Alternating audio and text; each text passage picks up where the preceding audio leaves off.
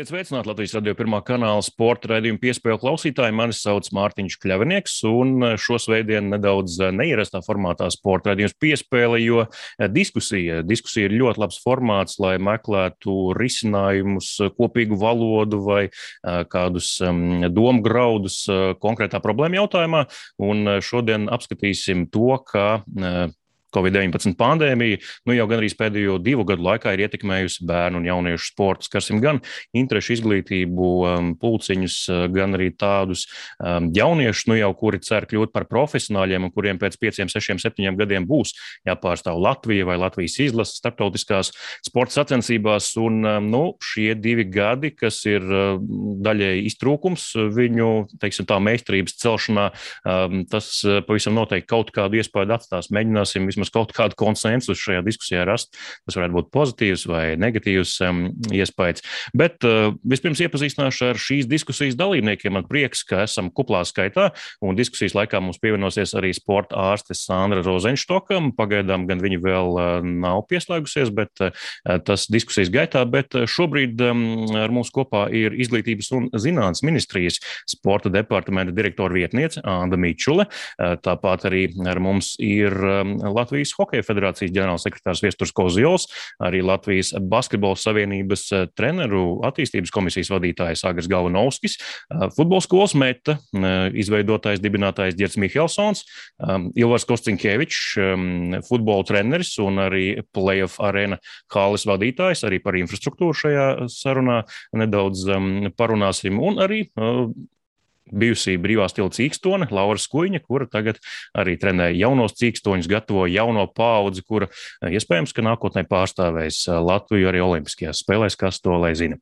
Eh, sveiki visiem vēlreiz, un sāksim droši vien ar izglītības zinātnes ministriju, ķersimies klāt, jo mm, tas laiks ir ierobežots, cik ar mums kopā var būt Anda Mičula šajā diskusijā. Vispirms sveika, Anda, un um, pirmais jautājums varbūt varat izstāstīt, kāds Jā. ir aktuālais regulējums, ko tad šobrīd drīkst un ko nedrīkst darīt, kas drīkst, kuri drīkst trenēties un kuri nedrīkst trenēties, un, un kuriem ir absolūti mājasēdi par sporta treniņiem runājot. Jā, labdien, tad vēlreiz visiem uzaicinātājiem un arī klausītājiem.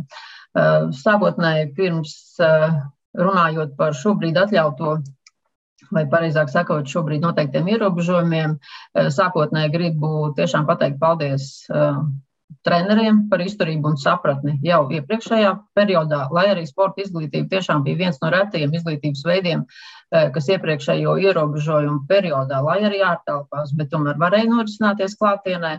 Tāpat arī vasaras periodā ar papildus nosacījumiem un ierobežojumiem treniņu um, procesu sporta nometņu formātā, ja tā saucamajā nometnes burbulī drīkstēja norisināties salīdzinoši ierastā režīmā.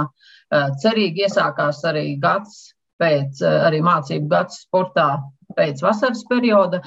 Bet, eh, nu, eh, jā, jāturpina tad par šobrīd spēkā esošajiem nosacījumiem. Tad, kā visi zinām, no 21. oktobra līdz 14. novembrim ir aizliegti un atcelti visi sporta pasākumi. Jā, ir paredzēti izņēmumi. Un tie ir attiecībā uz Startautisko federāciju sporta sacensību kalendārā, iekļautajām sporta sacensībām, ietverot arī uh, pirms šīm sacensībām paredzētos oficiālos treniņus. Uh, sporta sacensības, protams, bez skatītājiem.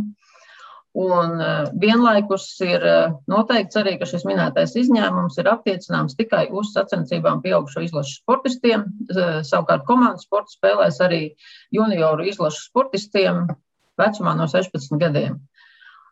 Turklāt sacensībām ir jābūt iekļautām Izglītības un zinātnes ministrijas tīmekļa vietnē publicētajā atļauto sporta sacensību sarakstā.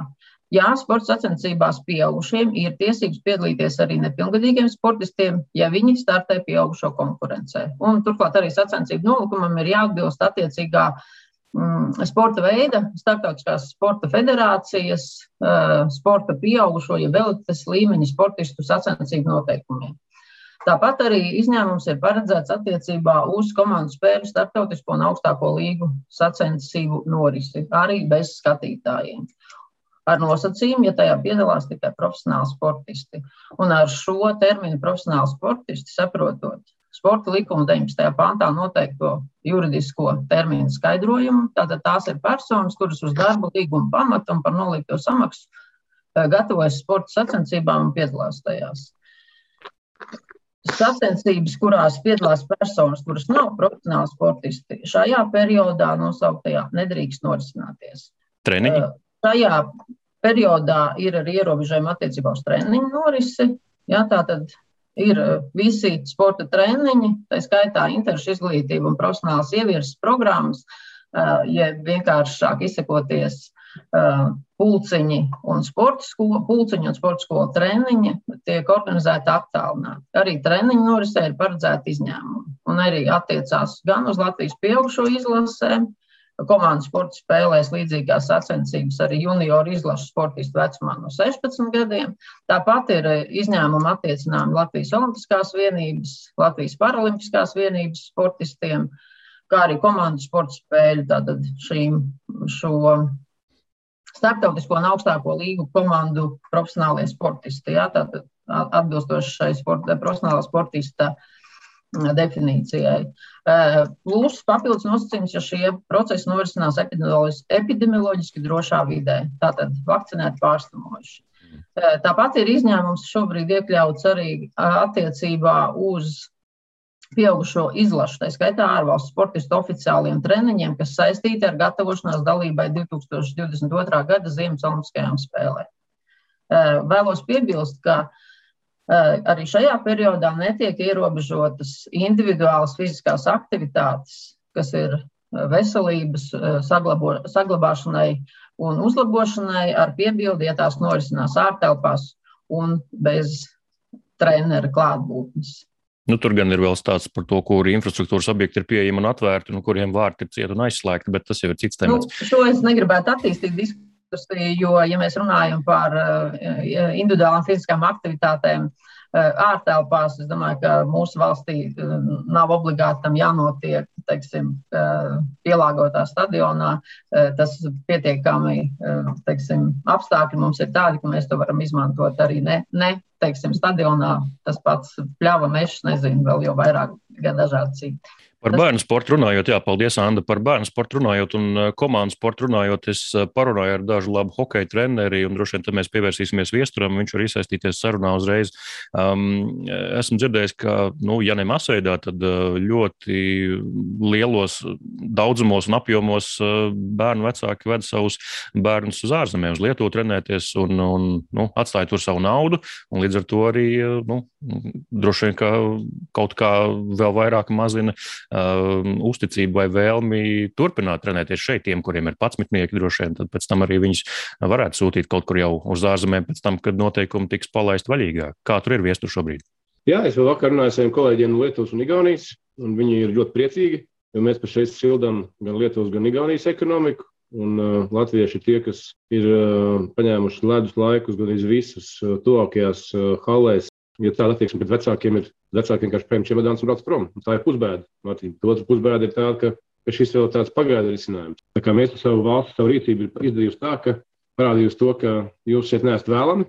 Nu, vienkārši šie bērni, bērnu vecāki izmisīgi meklē saviem bērniem iespējas, kur turpināt mācīties uh, ārpus Latvijas. Um, Anda, jūs atbilde varbūt viesturam, uh, kā, ko, ko izglītības un zinātnes ministrija saka, ka bērni masveidā aizplūst uz, uz ārzemēm tieši komandas sportā, šajā gadījumā hokeja? Nu, es negribētu teikt masveidā par šo masveidību. Ja mēs runājam par sporta skolām, tad precīzi informāciju uh, par to, kāds eh, ir eh, izglītojamo skaits eh, uz, uz šajā, šajā periodā, mēs varēsim precīzāk pateikt pēc 1. novembra, kad visas sporta skolas būs iesniegušas finansējuma pieprasījumus 2022. gadam. Tā skaitā arī uz komandas sporta spēlēm, tā skaitā arī uz hokeju. Tad mēs varēsim salīdzināt ar iepriekšējo periodu šo audzēkņu Tātad, nu, jā, ja, ja reiz viņi būs aizplūduši projām, tad attiecīgi viņi nebūs eh, sporta skolās. Eh, tad, tad varēs eh, teiksim, konkrētāk atbildēt, bet es tomēr um, aicinātu saprast, ka mēs runājam par periodu līdz 15. novembrim šobrīd. Ja, tātad atbilstoši šim regulējumam, saucamajam lockdown periodam, tātad 15. novembris. Jā, izprotot nevienkāršo situāciju sporta treniņu un īpaši bērnu un jauniešu laic, lauciņā, tomēr es aicinātu ar izpratni izturēties pret šiem valstī noteiktiem ierobežojumiem, kur ir lūgums līdz minimumam, tātad tuvākajās nedēļās samazināt šos fiziskos kontaktus, nu, tādējādi īstenojot mērķi ierobežot vīrusu un sekot vairāk valstu piemēriem, kas spējuši nepārslogot savu veselības sistēmu un attiecīgi tādējādi pārvarot krīzi un atgriezties dzīvē bez ierobežojumiem. Tas, ka m, mm, arī regulējumā, kurš m, ir ārkārtējās situācijas rīkojumā, bet pirms lockdown, un es ceru arī, ka pēc lockdowna Arī profesionāls ievirs un interešu izglītības programmu nodarbībās, ārtelpās darbiniekiem un izglītojumiem, kur ir vakcinācijas vai pārslimošanas certifikāts, kā arī tiem izglītojumiem, kuriem būs vai nu, teikt, tas bija paredzēts regulējumā, kuriem būs veikts šis eh, tests izglītības iestādes organizētā skrīninga. Ietvaros ši, šiem nosauktiem bija šī iespēja attiecībā uz ārtelpām, bet, protams, eh, tiem, kas ir vecumā virs 12 gadiem, iespēja trenēties iekštelpās, arī bija šajā regulējumā, kas bija uh, saucamajā ārkārtējās situācijas rīkojumā pirms lockdown, tātad līdz ietverot līdz 11. janvārim. Un, uh, epidemioloģiskai situācijai uzlabojoties, mēs eh, strādāsim pie iespējām, lai drošā un kontrolētā veidā varētu nodrošināt iespējas arī bērniem līdz 12 gadu vecumam, kuriem šobrīd nav pieejama vakcinācija, pakāpeniski atsākt sporta treniņus iekštelpās. Tātad, kā jau minēju, ko līdz epidemioloģiskā situācija eh, to pieļaus. Kā, nu, es nezinu, vai eh, šīs periods līdz 15 Um, novembrim tiešām būs tik izšķirošs. To, to gan es aicinātu komentēt uh, profesionāļus, kas ikdienā, mm, kas ikdienā strādā ar, uh, ar bērniem, vai tas tiešām būs tik izšķirošs viņu profesionālajā karjerā. Ja mēs runājam par šo. Tas ir pārtraukts, tas izšķirošs. Šis notiek otro gadu pēc kārtas. Tas ir izšķirīgi.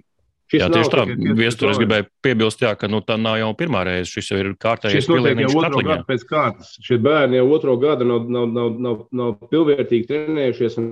Kā jau minēju, sporta izglītība bija viens no izglītības veidiem, kuriem bija mm. tiešām vai arī ārtelpās, bet tomēr bija iespēja mm. trenēties klātienē. Neviens neplāno speciāli ierobežot sporta norišu darbību bērniem. Tad, ja epidemioloģiskā, kā jau minēju, ja epidemioloģiskā situācija to ļaus, uh, tad viennozīmīgi mēs strādāsim pie tā, lai varētu atgriezties pie pilnvērtīga treniņa procesa. Vai eh, ministrija ir vērtējusi vai plāno vērtēt, vai pētīt, eh, kāds varētu būt šis tā sauktais atbirums sporta skolās, profesionālajā ievirzē, nu, kuriem bērniem tas ir bijis par daudz un kuru vairs negrib nodarboties ar sportu pēc, pēc šiem diviem gadiem? Kā jau es minēju, atbildot uh, uz viesturu izteikto komentāru, tad uh, pētījums gan nav veikts, bet informācija par izglītojumu skaitu izmaiņām sporta skolās varēsim izdarīt secinājumus pēc 1. novembra, kad mm. sporta skolas būs iesniegušas pieprasījumus finansējumu piešķiršanai 2022. gadam. Un tad, šī, tad mēs varēsim redzēt, kā šī, kādas ir bijušas izmaiņas. Nav viennozīmīgi traktējams arī viedoklis, ka visi ir aizbēguši. Ir informācija, ka iepriekšējā periodā, ņemot vērā to, ka sports tiešām bija tas, kas klātienē varēja norisināties, vēlreiz atkārtoju, lai arī ārtelpos. Atsevišķos gadījumos sporta treniņos iesaistīto skaits ir palielinājies. Ir arī tāda informācija, bet to vēlreiz atkārtoju varēsim vērtēt pēc, pēc 1. novembra detalizētāk. Jā. Paldies, Anna. Iesaistīsim sarunā arī futbola skolas meta dibinātāju Girtu Mihelsonu. Girt, um, viena no lielākajām futbola skolām Latvijā. Uh, kā tad ir ar jūsu audzēkņiem? Mazāk, vairāk? Esat skaitījuši, vērtējuši? Labdien visiem! Uh, pirmkārt, uh, gribētos uh, maz, maz atkāpt pirms es komentēju tavu jautājumu, ka man šķiet, ka šis te uh, Lielais uztraukums eh, sporta cilvēkiem ir drīzāk par to, ka nekas pēc 15. novembra eh, citādāk nebūs. Un, un, un šī tomēr ir. Ja, ja, ja būtu droša pārliecība, ka pēc 15. novembra viss atsāksies, tad es domāju, ka mēs būtu gatavi, gatavi ciest, bet šobrīd vairāk šis satraukums tiešām ir par to, ka tas varētu turpināties, un mums tomēr ir kā pagājušajā gadā mēs runājām, mums ir jāspēj sadzīvot ar šo vīrusu, jāspēj atrast risinājumus. Un, un es domāju, ka, ja mēs runājam vispār par sporta aktivitātēm, tad ārā sporta aktivitātes, es domāju, ka vispār ir neapspriežama lieta. Viņai, viņai būtu jānotiek, eh, protams, ar kaut kādiem regulējumiem, un, protams, pēc tam arī nākamais solis jāskatās, kā mēs varam neiznīcināt to pašu hokeju. Jo nu, hokejam nav iespējams. Tā, tā ir viena maza daļa hokeja aktivitāšu, kuras var norisināties ārtelpās. Nu, tur ir vajadzīgs hokeja laukums, ledus. Ja, un, Līdz ar to šie, te, šie te visi jautājumi, kas, kas eh, skar šos specifiskos sporta veidus, eh, nu, es teikšu, tā, tie bērni un jaunieši, nu, viņi nav izvēlējušies iesaistīties sportā, pļāvu vai skriešanā, mežu apgūšanā un tā tālāk. Un tā tālāk. Tas ir tas sporta veids, kas viņus ir aizrāvis, kas viņus ir Eh, ir padarījis pa motivētiem cilvēkiem dzīvē. Tas ir instruments vecākiem skolotājiem, lai viņus izglītotu, un, un mēs bez tā vienkārši lielu daļu jauno paudzi vienkārši salauzīsim. Un, un, un viņi kļūs ļoti apātiski. Tā būs liela cīņa, pēc tam, ar kur mēs, domāju, cīnīsimies ilgus, ilgus gadus. Tāpēc mums steidzīgi ir jāmeklē variants, kā mēs tiešām šīs sporta aktivitātes bērniem, jauniešiem varam organizēt. Mm -hmm. Runājot par daudzskaitlību, nu es teikšu, tā nu, futbols tomēr, es pat teiktu, tā, ka ir diezgan izredzēts šajos apstākļos, ja, jo nu, tas ir ārā sporta veids, kuru principā, nu, jā, mēs saprotam, halles mēs nevaram izmantot, bet, bet nu, pietiekoši daudz ziemeļvalstu Eh, futbola šī pieredze ilgadīgāk, nu, notīra sniegu un, un, un trenējās. Nu, ko darīt? Ja? Pirms desmit gadiem mums 15 eh, mums halas eh, arī nebija, ja? vai viņas bija ļoti, ļoti maz pieejamas. Mēs izmantojam basketbola zāles vai, un tā tālāk. Ja? Lielākā daļa darba notika tomēr arī ārā un ekstremālos apstākļos. Tāpēc līdz ar to, teiksim, tīri pa futbolu, es tā nevarētu teikt, ka ka mēs zaudējam bērnus. Mēs zaudējam drīzāk ticību tam, ka šie bērni var kaut ko vispār sasniegt. Ja, ja, ja mēs runājam par vienkāršu nodarbošanos, tad viņi ir iespējami ja, arī šajos grūtajos apstākļos, bet ja mēs runājam par kaut ko vairāk, tad nu, es teikšu tā, ja vecāks no 5, 6 gadu vecuma savu bērnu ir atbalstījis līdz šim 15, 16 gadu vecumam, nu, šobrīd viņam nekas cits neatliek, kā vienkārši doties prom uh, Igauniju, Lietuvu, jo uh, tas ir saistīts reāli ar viņu karjeru. Ja? Tad, tad uh, divi gadi 16, 17 gadīgam zēnam vai meitenei, vai 15, 16 gadīgam izlaist nevienu startautisku spēli, nevienu startautisku pretinieku, ja, nometnes problēmas un tā tālāk. Un tā tālāk ja. Uh, nepabeigti čempionāti. Ja mēs teiksim, paskatījāmies, tad šobrīd mēs jau kopš pagājušā gada esam trenējušies stundu skaita ziņā jau gandrīz vai pie tūkstotis vairāk stundām mazāk. Ja, kas, ir, nu, kas ir absurds. Ja, nu, nu, tā, tā, tas ir ļoti liels apjoms, ja, kur, kur mēs principā nemaz nevaram atgūt. Ja.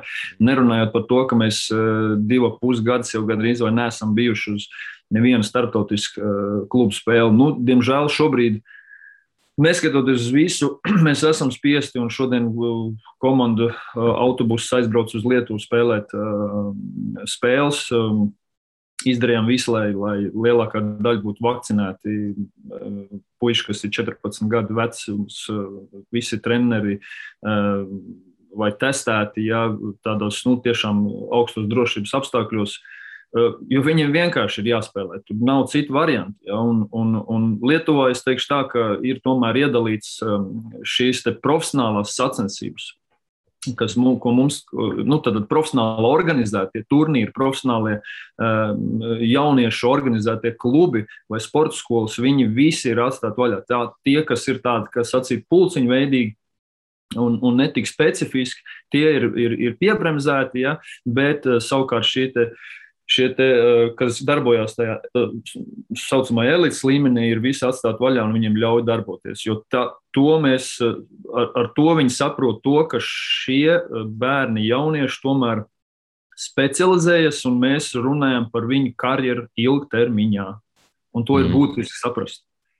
To starp citu, jā, es esmu runājis arī ar citu sporta veidu pārstāvjiem, kaut vai ar uh, liepājas florbolistiem, kad pagājušajā gadā viņiem tur bija uh, jāskrien pa stadionu, pa sniegu. Um, nu, bumbiņu noju bija jānoliek malā. Uh, Treneris teica, ļoti labi varējām piestrādāt pie fiziskās sagatavotības, bet tomēr tā specializācija arī ir vajadzīga. Nu, cik ilgi mēs varam to fizisko visu laiku trenēt? Paldies, Girt! Um, pievērsīsimies Sandrai Rozenštokai, sporta ārstei, jo arī viņas laiks, ko viņa var piedalīties mūsu diskusijā, ir ierobežots. Sandra, sveiki! Un vai pie jums arī vēršas bērnu vecāki vai, vai bērni, kuri, nu, nezinu, piedzīvo kādas veselības problēmas saistībā ar šiem pārāvumiem vai, vai kas tam līdzīgs. Kā jūs vispār novērojat to, to bērnu grupu, bērnu jauniešu grupu, kuri trenējas sportā pietiekami nopietni, un kādi viņi bija varbūt pirms diviem gadiem, kad pandēmijas nebija, un kā pandēmija viņus ir ietekmējusi šobrīd. Jo tas tomēr ir pārāvums tajā viņu um, ierastajā režīmā, kā ķermenis ir pieredzējis darboties, kustēties un kādā slodzē būt. Un tagad jau divus gadus tas ir, nu, teiksim, teiksim, tā fragmentēti, tā kā viņi to mm. ir pieraduši darīt. Jā, nu, labdien visiem! Paldies par uzaicinājumu. Jā, man liekas, tās ir tādas aktuālas lietas, ko es arī sadzirdu treneru teiktajā. Uh, jo šī epidemioloģiskā situācija, kas mums ir, viņa tiešām ie, ieilgusi, bet uh, bērnu un, uh, gribētu teikt, jauniešu pusauģu ķermenis jau turpina augt. Un uh, līdz ar to pretīm nerodas uh, tās pieprasījums, nerodas tā, tā vajadzība sirsniņai attīstīties, elpošanas sistēmai attīstīties. Protams, ka tie, kas uh, cenšas saglabāt uh, šo fizisko formu, man jāsaka, es teikšu, ka daļai izdodas pat ielikt ļoti labu bāzi, jo tāpēc, ka nav šis augstais, augsts intensitātes sports, te viņa attīst sirsniņu. Bet uh, diezgan daudz bērniem ir uh, kā apstājušies, viņi tā kā nāk, un viņu rezultāti ķermenis, piemēram, izaudzis tur 8 kg, viņš tur ir 6 cm garāks. Uh, Jā, bet uh, sirsniņa ir tikpat liela, tikpat daudz sūkņu, cik pagājušajā gadā. Un tas, protams, kad rada viņām lielākas sūdzības, un, uh, un ja arī viņš ir uh, nu, pārslimojis, vai viņam ir uh, bijis covid vai kaut kādas sūdzības, tas īstenībā citreiz tik ļoti sasaucās arī ar to, kad, kad viņš vienkārši nav tik atbilstoši trenēts. Tas ir viens. Otrs, man liekas, ka tas sports arī ļauj saglabāt motivāciju, pirmkārt, uz sasniegumiem. Protams, ka tajā pašā sporta veidā tas arī ļoti labi, bet arī motivācija iesaistīties jebkuras skolas aktivitātēs, mācīties. Un šeit tas, tas kas izskanēja treneru teiktajā, ir ļoti svarīgi tā motivācija vispār bērnam piedalīties, būt aktīvam. Un tas, ko es novēroju, uh, Šeit mazliet pieskāršos arī profesionāliem sportistiem, jā, kad arī tiem, kuriem bija diezgan liels iespējas, viņi pat varēja trenēties, arī viņus testējot ar šiem lieliem slodzes testiem. Es novēroju, ka viņu rezultāti arī ir 10-15% sliktāki tikai tāpēc, ka viņi zina, ka viņi trenējas, bet viņiem nebūs jāpielieto nebūs tā teikt līdz galam jā, jācenšas. Ja, tas arī ietekmē. Un, protams, ka šo bērnu pusaudzi dēļ tā, ka viņa ķermenis katru gadu mainās, aug un attīstās. Un pusaudžu vecums vispār, es gribētu teikt, ir ļoti sarežģīts gan fizioloģiski, psiholoģiski, hormonāls izmaiņas, visas muskuļu masa un, un, un skelets un tā tālāk. Ja šīs izmaiņas visu laiku tie pielāgojumi vajadzīgi. Uh, man gan jāsaka, tāda mana pieredze, man liekas, ka veiksmīgāk izdodas tad, ja treneris uh, strādā nevis pastarpināt caur vecākiem. Saka, vecākiem jūs bērnam vajag to, bet tieši ar bērniem. Un tad tie bērni, man liekas, ar lielāku atdevi dara tos uzdevumus. Tā, nu, tā ir tāda mana pieredze. Paldies, Sandra. Jā, iesaistīsim arī Agri Galvanovsku sarunā. Agri gan par šo aspektu, par jaunatni, jo pāraugāt arī jaunatni no Latvijas Basketbola Savienības pozīcijām, gan par treneriem, kas jau te iepriekš izskanēja arī no Girta. Um, es runāju ar vienu vieglatlētīgas treneru Vēnspilī. Viņš teica, nu, viss jau ir labi, bet ne jau pandēmija ir vienīgā problēma. Arī treneru resurss visā Latvijā, īpaši jau vieglatlētikā, viņa gadījumā strauji noveco un, un arī, teiksim tā, gados pieredzējušāku speciālistu, treneru iespēju adaptēties uh, attālinātiem treniņiem un pildīt uh, savu darbu šādā režīmā. Tā arī ir sava veida problēma. Kā, kādas ir jūsu domas par iepriekš izskanējušu un arī par, par šo, par treneriem? Nu, es domāju, ka treneriem arī ir tāds izaicinājums laiks, ir grūti strādāt. Uh, ir, ja basketbolā ir arī sava specifika, tieši tāpat kā hokeja, ka mums ir vajadzīga tā sporta zāle. Un, ja mēs tur netiekam iekšā, tad ir diezgan liels problēmas. Un, uh, nākamā lieta, piemēram, par pagājušā gadu runājot par to pa situāciju, kad bērni nevarēja trenēties basketbolā. Es arī paralēli strādāju basketbola klasē, privātajā sektorā. Nu, situācija bija tāda, kad sākās stāra treniņi. Ast, nu, mums ir apmēram 300 vairāk bērnu, 80 bērni vienkārši nenāca uz treniņiem. Vienkārši. Ir tādi, katrs bērns ir savādāks. Viens ir motivēts vairāk, viena vecāka motivē. 80 bērni nenāca uz treniņiem. Un tad, kad sākās atkal sporta zālē, treniņš 40 no viņiem atgriezās, principā mēs esam 20% bērnu pazaudējuši. Jo reāli viņiem nav motivācija. Un skatoties uz bērniem, kā viņi trenējās ikdienā, jā, viņi cīnās, tie, kas ir palikuši sitās, bet viņi neredz to gala punktu, realizāciju. Nav spēles, nav turnīru, viņi nezina, kam viņi trenējās. Viņi psiholoģiski sāk vienkārši lūst. Ja pagājušajā gadā strādāja arī U16 izlase, U16 izlase arī ļoti uh, talantīgi bērni vienkārši pateica, es beidzu karjeru. 16 gados. Viņš neredz galu, neredz motivāciju. Mm. Mums sporta skolā arī divi puikas, divmetrīgi puikas pabeidz karjeru 16 gados. Vienkārši zvanu vecākiem, kas notiek. Vecāks saka, es viņus vairs nevaru piespiest, viņi nevar saņemties, viņi sēž mājās, datoros, nekas vairs nenotiek. Tā ir tāda nu, liela problēma. Tagad, piemēram, arī par statistiku runājot šogad, līdz lockdownam mums ir sporta skolā plus mīnus tie paši 300 vairāk mazāk bērni. Mums uh, inficējās divi tikai pa to laiku. Viens bez simptomiem, viens ar simptomiem. Un viņi arī bija treniņos tajā brīdī. Principā neviens apkārt bērns tur nesaslima, kad arī viņi bija tajā treniņā. Tā kā, nu, Es nezinu, šobrīd es atrodos Igaunijā. Mēs ar 30 bērniem aizbraucām uz Igauniju strādāt. Trīs reizes dienā mums ir treniņi, vismaz mēs dabūjām to sporta zāli. Un mēs runājam ar Igauniju kolēģiem. Viņi saka, jā, mēs, mēs uh, varbūt aiztaisām skolas, bet mēs mēģinām saglabāt uh, sportu, lai bērni trenētos. Jo man tā liekas, ka tas ir loģiski, ka skola ir cieta un, un sporta skola ir vaļā. Tad ir divi dažādi burbuļi. Reāli, ja bērns neiet uz skolu un viņš ir vakcinēts, kāpēc viņš nevarētu trenēties? Jo lielākoties bērni, kur ir vakcinēti, arī vecāki viņiem vakcinēti, principā viņš neko mājās atnest nevar. No, viņi liela 50% bērnus atved uz treniņiem ar automašīnām, ar auto. Viena daļa, okay, brauc transportā, tur ir iespēja būt inficēties. Bet es saku, tas tie, tie ir tie piemēri, ka nu, var atrisināt pareizā epidemiskā situācijā, atrisināt visas problēmas. Bērni var trenēties, es uzskatu. Viņi nav tie tādi, nu, kad saka, viņi lielākie pārnēsātāji, jā, tie, kas varbūt nav potēti, tie varbūt ir. Un daudz treneru arī vienkārši, it sevišķi tie, kas valsts uh, struktūrā strādā, nu kā viņam naudiņa nāk, viņi nesaspringst, viss ir kārtībā. Mm. Iedot min minimāli kaut kāds uzdevums, un tas, tā fizika jau nekādas priekš neiet. Tādā ziņā pri privātais sporta skola ir grūti. Arī hokeja daudz notiek privātie klubi, arī metri ir privātais klubs. Tur ir, viņiem valsts atbalsts tāds nav, un attiecīgi viņiem ir jādomā, kā izdzīvot, kā strādāt, kā, kā darboties. Mm. Tā ir arī viena problēma. Infrastruktūras pārstāvis arī mums uh, šajā sarunā ir uzaicināts uh, Playoff arēna futbola halas vadītājs Ilvars Kostinkevičs, kurš uh, arī vēl pavisam nesen trenēja bērnus um, futbolā un ir gal galā arī tēvs bērniem un redz to arī kā viņa atvases uztver šo laiku.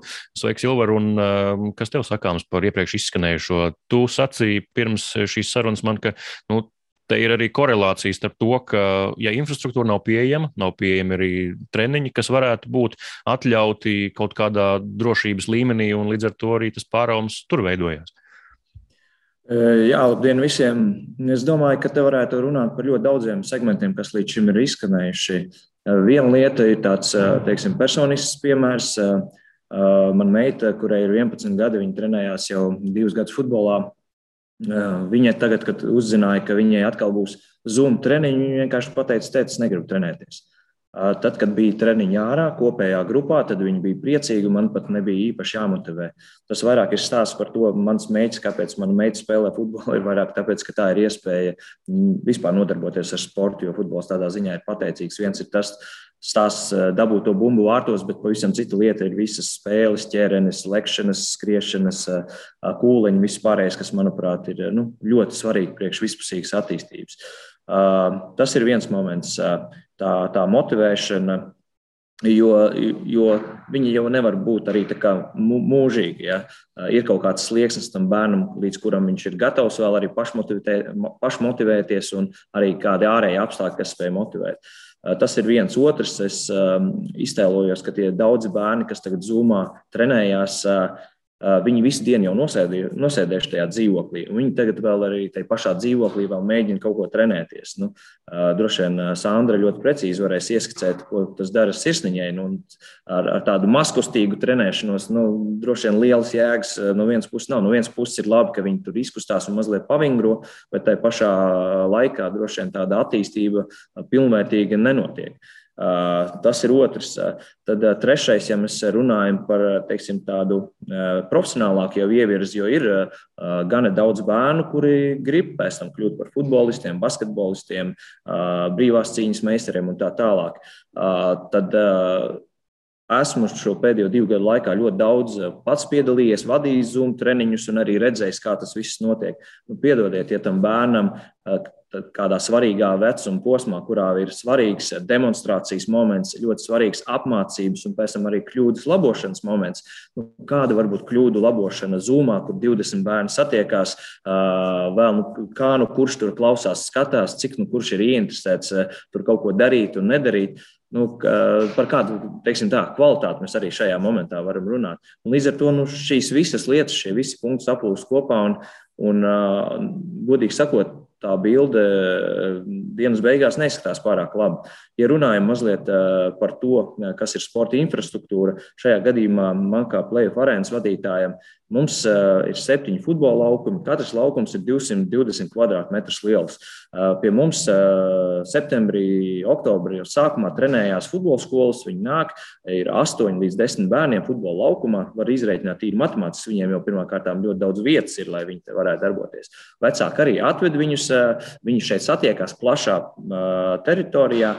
Viņi notrenējās stundu, pēc tam katrs savu ceļu aiziet. Nu, mēs arī pat uh, neizmantojot ģērbtuves, mēs uh, varam panākt to, ka viņiem ir gana droši apstākļi. Un, un es godīgi sakot, skatoties, ko tie bērni mazie zaudēs šobrīd, man reāli žēl. Jo, manuprāt, te var ievērot gan tos epidemioloģiskos apstākļus, es domāju, arī citos sporta veidos to visu var panākt, arī basketbolā, arī hokeja un, un tā tālāk. Bet, ja es skatos uz tiem bērniem, kas te trenējās piecgadīgi, četrgadīgi, sešgadīgi, kuriem daudziem šī ir pirmā pieredze sportā, Un tad, kad viņiem forša treniņu vietā notiek nekas, vai nu viņi kaut ko tur mēģina darīt zūmā, tad tas iznākums būs ļoti bēdīgs. Un vēl viens aspekts šiem bērniem, kam ir šī pirmā pieredze. Ja lielāki puikas, lielākas meitenes var ārā trenēties. Un, piemēram, Futbola Parks Academy, kurā es strādāju klubā, pagājušo ziemu pie mīnus 10 grādiem visi arī maziņie bērni skrēja, 5gadīgi, 6gadīgi, bet tur varēja redzēt, tie, kas ir 10 gadīgi, tajos atbirums principā nenotika, bet kur ir 4 gadīgi, 5 gadīgi, kam ir pirmā pieredze, un viņi rudenī grib sākt trenēties, un viņiem jātrenējās mīnusos un ārā, mēs vienkārši reāli pazaudējam tos bērnus. Un viņiem arī, godīgi sakot, manuprāt, tiek sabojāti sabojāta tā pirmā pieredze. Respektīvi, viņš atnāk uz pirmiem treniņiem, Eh, grib nodarboties ar futbolu vai vienkārši sportot. Viņš nosalis ir pirmajos trijos treniņos, un viņu pēc tam dabūt atpakaļ sportā, vienalga kādā sporta veidā. Manuprāt, tas jau ir ļoti, ļoti liels izaicinājums. Es tā varbūt tādā sprintā izskrēju cauri dažādiem aspektiem, bet tas ir tas, ko es eh, esmu redzējis pēdējos divos gados, un, un es arī noteikti neesmu tas, kurš atbalstīs to, ka šobrīd pat ārā tiek eh, liekts bērniem sportot. Jo es domāju, ka to var pietiekami labi organizējot, droši norganizēt, arī respektējot protams, to sarežģīto situāciju, kas šobrīd ir saistībā ar pandēmiju. Jā, paldies, Ilvar, par, par tavu viedokli. Sandra, pie jums vēlreiz, ja par profesionālo ieviesu runājām, nu tie, kur ir, kā jau Agris te teica, 16 gadnieki, kuri gatavojas kļūt par profesionāļiem, tie, kuri pat izturēs psiholoģiski un paliks sportā un kļūs par profesionāļiem gal, gal, gal galā, vai tas nenozīmē, ka pēc gadiem desmit izlasē spēlēs eh, absolūti fiziski nekonkurētspējīgi, jo viņiem šis svarīgais posms būs iztrūcis. Kā tur, kā tur varētu būt? Nu, Ziniet, kā es varētu dalīt arī to, ko uh, treneris minēja, tādās divās daļās. Viens ir tā fizioloģiska attīstība, ja sirds tur tilpumi un uh, plaušu tilpums un arī efektīvais. Tas jau nenozīmē, ka viņš tur var iepūst, bet ka viņš spēs elpošanas muskuļi būs tik spēcīgi un spēs noturēt elpošanas ritmu un pietiekami dziļu tilpumu tieši funkcionāli, efektīvi, tā kā viņam slodzē to vajadzēs. Uh, Uh, bet man jāsaka, tie bērni, pusauģi, kurus es redzu, kur atnāk līdz manim, tas ir, ir viens no svarīgiem aspektiem, ko es ar viņiem runāju. Jo es viņus tā arī tā motivēju. Redz, tev treneris tagad saka, uzskienam lēnos krosus. Es saku, tev tas jāskiem, jo tas tev dos to, to, redzi, tu tagad darīji. Un uh, pagājušajā gadā tev bija tā, bet tagad tu esi to izdarījis, un tev tagad ir daudz vairāk, lielāk. Un tas īstenībā viņiem, es redzu, kā viņiem tajā mirklī spīd acis, ka viņi redz, ka ir tas ierobežojums un tā zemā slodze bijusi ko viņiem likās, ah, nu, ko es tur tik lēnu un tā, ja. Bet viņi redz to, to, to, nu, to attīstību savam ķermenim tieši. Un tad, protams, ka tehnika un taktika un tādas lietas, protams, ka nevar to zūmā. Es nezinu, vai video spēļu analīze treneri tik tālu darās, dara un tā. Bet noteikti iespējas kaut kādas ir, bet tehnikas attīstība, kustība pareizums sajūta, kā dara, ja, nu, tas, man liekas, ir tikai klātienē attīstāms. Un, un šeit es domāju, ka daļa noteikti to tehniku būs spiest pārmācīties no jauna un iemācīties, tā kā varēs tā kā ritīgi klātienē, bet uh, es arī noteikti sadzirdēju treneru teikto par to tehnikas pamatiem. Un tas tā arī ir, kad uh, cilvēka ķermenis, ja šo veiklību, šo kustību koordināciju, ja tā jau ir jātīst no maza vecuma un jāliek uzreiz tādi pareizi pamati. Un tie bērni, kas tagad tiek tādā ziņā tā kā apdalīti, viņi īstenībā, nu, tie, tam, kam ir dots, vienam ir dots fiziski vairāk, otram ir dots mazāk, bet tiem, kam ir dots vairāk, protams, tā ir viņa tāda ģenētiska priekšrocība, viņi noteikti tiks līdzi. Bet daļai es paredzu, ka varētu būt saistīts ar pārslodzes traumām, dēļ tā, ka vienkārši kustība tehnika ir nepareiza. Jā, līdz ar to locītavs vai daļa muskuļu tiek pārslogot un lielāks sporta traumu risks arī. Jā, nedomāju tikai par sirdi, bet arī par uh, valsts kustību aparātu. Nu mm. Nu, jā, situācija ir gan, gan sarežģīta, bet nu, dzīvojam tādā vidē, kādā esam. Jā. Jā, Laura Skuiņa arī pietiekami ilgi gaidījusi, lai varētu izteikties um, brīvā stila cīkstoni kādreiz pietiekami panākumiem bagāta. Tagad apmāca arī jaunos cīkstoņus. Laura, tavi audzēkņus arī pirms pāris gadiem viesojos uh, vienā no treniņiem, kur tu viņus aizrautīgi iedvesmoji un, un mācīji viņiem dažādas vingrinājumus, un, un uh, jūs iesildījāties ļoti tā, ļoti tā azartiski un, un bumbu spēlējāt. Uh, Kā tagad tas viss izskatās, kāda ir viņu motivācija? To ar viņiem noteikti ikdienās sazinies, sarunājies. Kāda ir, kādas ir tās atšķirības? Droši vien atšķirīgi raksturi, arī atšķirīgas iespējas noturēt to motivāciju turpināt, vai ne? Labdien visiem! Jā, nu, situācija ir tāda, ka es piekritīšu kolēģiem, ka tas viss jau ir krietni ieildzis. Un, um, um, gribētos teikt, ka tās bažas raisa tieši tas, ka tas varētu turpināties arī pēc 15. novembra. Un, es neesmu pārliecināta, ka vispār mūsu sports to var izturēt. Jā, bet nu, kādas ir tās lielākās problēmas? Ja mēs runājam par treniņiem ārtelpās, treneri ir gatavi strādāt, un mēs to arī darām, un treneri raujās uz pusēm. Uh, jo daļa vecāku ir kategoriski pret treniņiem ārtelpās. Es domāju, ka tas nav tikai cīņas sporta veidā, jo tie izpratne par kustību ir ļoti dažāda, un ir vecāki, kas uzskata, ka tas kaitē bērnu veselībai. Daļa vecāku savus bērnus neved uz ārā treniņiem tā iemesla dēļ, ka gribētu, bet ne visi dzīvo tuvu treniņu vietai, kur mēs nodrošinām treniņus, un līdz ar to jāgaida ir autobuss, ceļš autobusā, pēc tam no pieturas dodas uz treniņu vietu, notrenējās, pēc tam atkal gaida uh, savu autobusu, jā, tas viss notiek ārā. Un pēc tam atkal, kamēr dodas līdz mājām, tas, tas jau pagarina visu šo ārā treniņu procesu, un, un bērns ir iesvīdis, jā, un līdz ar to vecāki atsakās. Un uh, ir ļoti liela daļa, kā mēs esam izvēlējušies cīņas sportu. Jā, un, uh, pavingrot ārā. Mēs varam paši, vecāki, var ar bērniem pavingrot ārā. Līdz ar to viņi uzskata, ka eh, mēs eh, viņiem neko nevaram šī situācijā dot. Tad treniņu mēs aiziesim uz tuvāko stadionu, pavingrosim un viss būs forši. Ja? Un eh, mūsu tā cīņas sporta specifika, nu, tas ir cīņas sports. Ja? Un kas ir cīņas sports uz ielas? Ir sevišķi brīvā cīņa, kur mums ir metieni, jā, cīņa parterī, nu tā ir viegla atlētika. Nu, piedodiet man, bērns vai vecāks ir izvēlējies cīņu sportu un jau otro gadu trenēs vieglatlētikā praktiski. Uh, sacensību nav vai ir ļoti, ļoti maz, un tas skar tikai kaut kādu konkrētu vecumu grupu. Ja?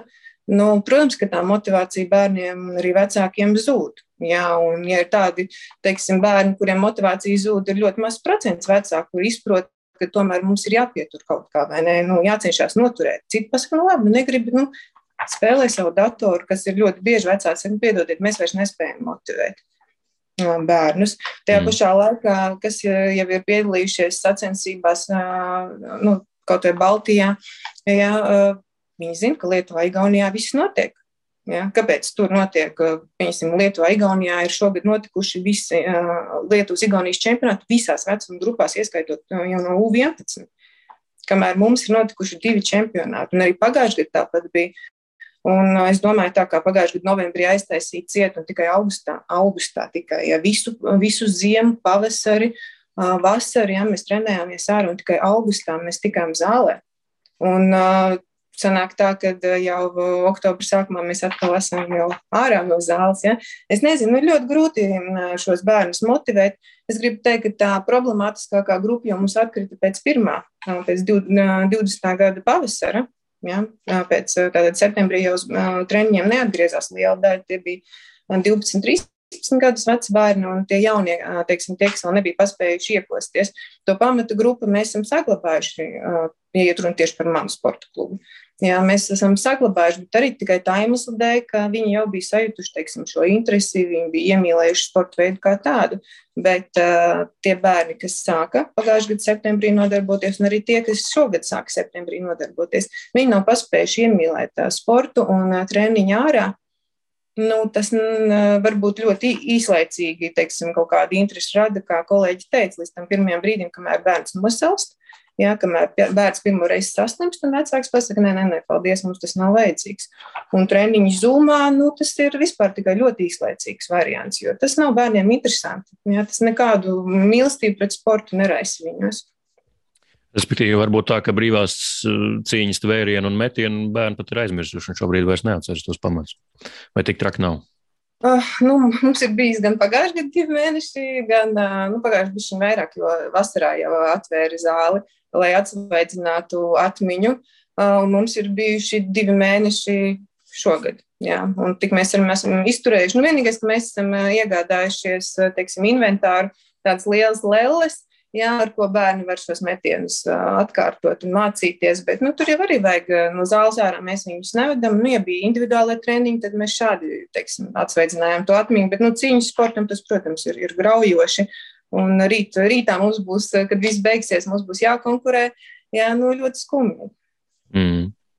Ko federācijas šajā gadījumā var darīt? Varbūt uh, Agrim Viesturam vaicāšu, nu, vispār kaut kāds dialogs ar Izglītības zinātnes ministriju vai ar valdību ir, vai tā tas arī ir, kā mēs to publiskajā telpā redzam, ka tie nu, lēmumi tiek pieņemti tajā vakarā pēc 9 stundu sēdes un, un lūk, fakts un, un pieņemiet un izpildiet. Tā kā Mārtiņš, es domāju, ka tā viss ir visi tāda viena milzīga nevēlēšanās iedziļināties tajā bērnu, mazo bērnu, mazo mūsu Latvijas Republikas pilsoņu pamatlietās. Es domāju, ka tā ir tāda arogants vispārēji, es būšu diezgan nežēlīgs. Un ar to esmu saskāries vairākas reizes, diskutējot ne tik daudz izglītības ministrijā, bet vairāk slavenajā ministrijā, kas saucās Veselības ministrija, kur, manuprāt, nu, tas nosaukums tur ir diezgan neatbilstošs. Veselības ministrijai, jo, jo es nekad neesmu dzirdējis, ka viņi runā par veselību. Esmu runājis, ka viņi, viņi ir panika, viņi ceļ paniku. Tik reizes, cik esmu bijis ar viņiem ticies, Uh, tur ir bijušas uh, lielas drāmas, li ļoti lielas drāmas, bet par veselību tur ļoti, ļoti maz runā. Ļoti maz runā. Tā kā es domāju, ka tā, tā, tā problēma, tā, tā pamat problēma ir tieši tajos cilvēkos, kuri dzīvo kaut kādā atrautā savā realitātē, uh, negrib, nemāk iedziļināties, saprast, uh, ka, ka tā ir runa, uh, ir runa par mūsu valsts nākotni, par mūsu bērnu veselību nākotnē. Cilvēki, bērni kļūst agresīvi, apātiski. To jau mēs tagad redzam. Viņi, viņi kļūst uh, nu, neieinteresēti. Mums būs ilgtermiņā mums būs milzīgas problēmas valstiskā mērogā. Ja mēs to neatrisināsim tagad, ja mēs ar seju ne, nepagriezīsimies pret šiem maziem bērniem un neatradīsim, neatrad, neatradīsim, kā to darīt, nu, tas būs slikti. Mēs jau runājām, gan, gan, gan visi mūsu runātāji teica, hokeja halles, basketbola halles, futbola halles. ir ar lielisku ventilāciju. Nu, kāpēc nevar tajās halēs ļaut mazās grupās bērniem trenēties? Nu, kāpēc mēs to nevaram darīt? Tur ir lieliska ventilācija. To visu varam pie, tikai pie, pie, pie, pie gribas un pie, pie parastas, pareizas loģistikas. To visu varētu darīt. Tikai tā nevēlēšanās ir nu, no, no ierēģa puses abnormāla. Viestur hokeja halas, cik tu šobrīd zini, ir kāda, kur varētu, nu, kā sakot, vērt savus durvis ciet un, jā, jā. un arī vairs nebūtu. Ciet, nu, tas tās ciet Mārku kausē ledu. Mm. Es saprotu, ka Dagoplī ledus kausējās nos, tagad vairākas kālas, tagad ir jau ir aptver iespēja taisīt ciet kālas, protams. Nu, lūk, tā tad arī ir tā ietekma arī uz nākotni vēl pastiprināti, ja būs mazāk infrastruktūras. Un es, mūs... saprotu, un es arī saprotu šīs kālas. Viņām taču nav ienākumu. Kā viņi var, kā viņi var uh, samaksāt sev par nomas maksu, ja nav, ja nav ienākumu? Nu, kā?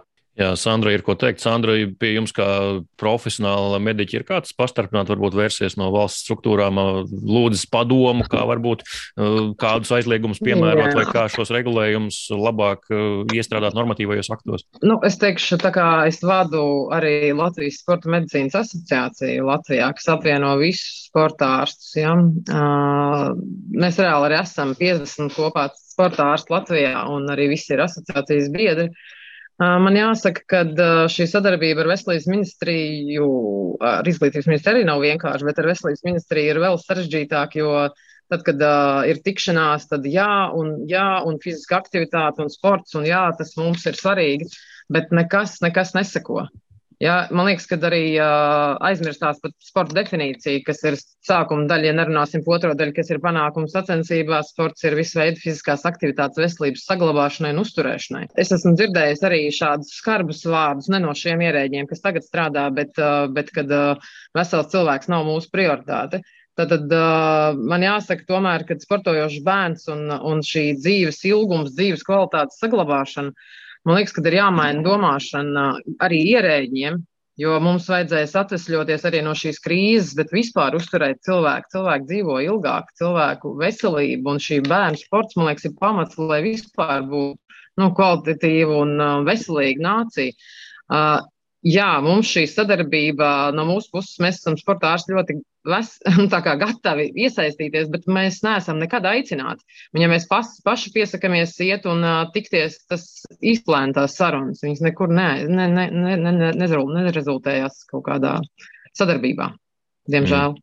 Agri Basketbola savienībai, cik tu zini, ir kaut kāda saikne ar ierēdniecību, un, un varbūt Kaspars Ciprus vai, vai Raimons Vējonis nu, tur var kādu savu domu izteikt tā, lai to sadzird. Es domāju, ka, jā, ka notiek tās notiek komunikācija un sūtīt dažādu priekšlikumu. Arī mēs no basketbola klases dažādas priekšlikumus sūtām, bet principā sajūta ir tāda, ka tā vēstule nemaz līdz turienei nenonāk. Viņa neviens neizlasa, viņa tiek atmesta atpakaļ. Un, un principā neviens mūs neuzklausa.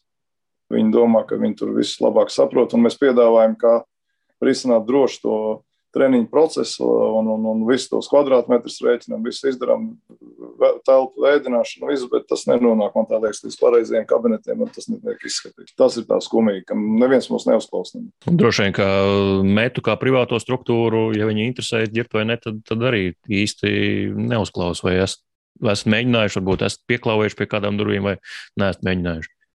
Ja, nu, mēs pagājušajā gadā bijām viena no iniciatoriem, kas uzreiz sāka neskaitāmas vēstules un priekšlikumus. Un, un, un gan sazvanījos gan ar uh, viesturu, gan ar uh, basketbolu, hokeju, visiem sporta veidiem. Uh, mēģinājām rast kaut kādu tādu kopīgu um, viedokli, ja, lai, lai, lai, lai būtu skaidrība. Bet, uh, kā jau Agris arī minēja, ja, ka, nu, tāda sajūta, ka uh, pat, uh, kas sacīt, uh, nu, nav nekādas izpratnes uh, vispār. Un es, es vakar jau ierakstīju vienā no sociāliem tīkliem uh, un publicēju tukšu laukumu. Uh, skol, skolnieku brīvlaikā, pulkstenis 11 dienā, saule spīd, skaists laiks un, un vienkārši tukšs laukums. Jā, tāpēc arī, arī šī te, šis te uzstādījums, viņš vispār ir pat nemotivējoši bieži vien e, iet vispār ārā. Ja? Un, un, un, un es teikšu, tā, nu labi, labi ka vien ir, ka, ka, ka Rīgā e, deputāti nepieņem to lēmumu aizslēgt vispār šos sporta laukumus ciet, jā, ar, ar atslēgu. Jā, jo, nu, tā būtu vispār katastrofa. Nu, vismaz tie bērni, kuriem tie vecāki ir sacīt, nedaudz apzinīgāki un tādi prasīgāki, vismaz to, to bērnu izstumj, izgrūž ārā. Jā.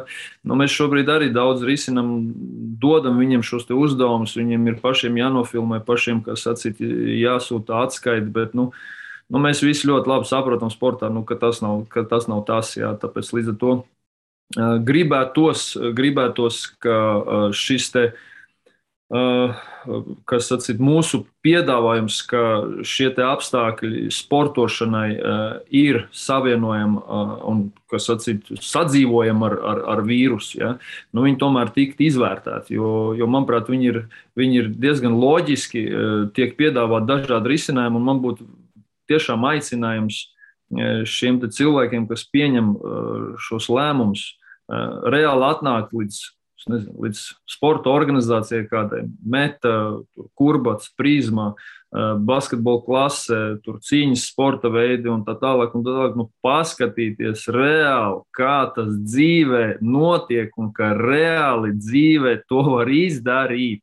Ja, nevis pieņemt eh, pieņēmumus ja, un, un, un vienkārši aprobežoties ar, ar citātu. Nu, jums taču neviens neliedz skriet pa pļāvu vai skraidīt eh, mežā starp kokiem. Nu, kas mm. tie pa murgiem ir? Nu, nu, ja mums tādās kategorijās dzīvo un domā, eh, cilvēki vadošajās un atbildīgajās ministrijās, vadošajos amatos, nu, tas, tas, tā, tā ir katastrofa. Nu, ka, ko, mēs, ko mēs tālāk rādām, kādu standartu problēmu risinājumiem arī savai jaunai paudzei. Ja?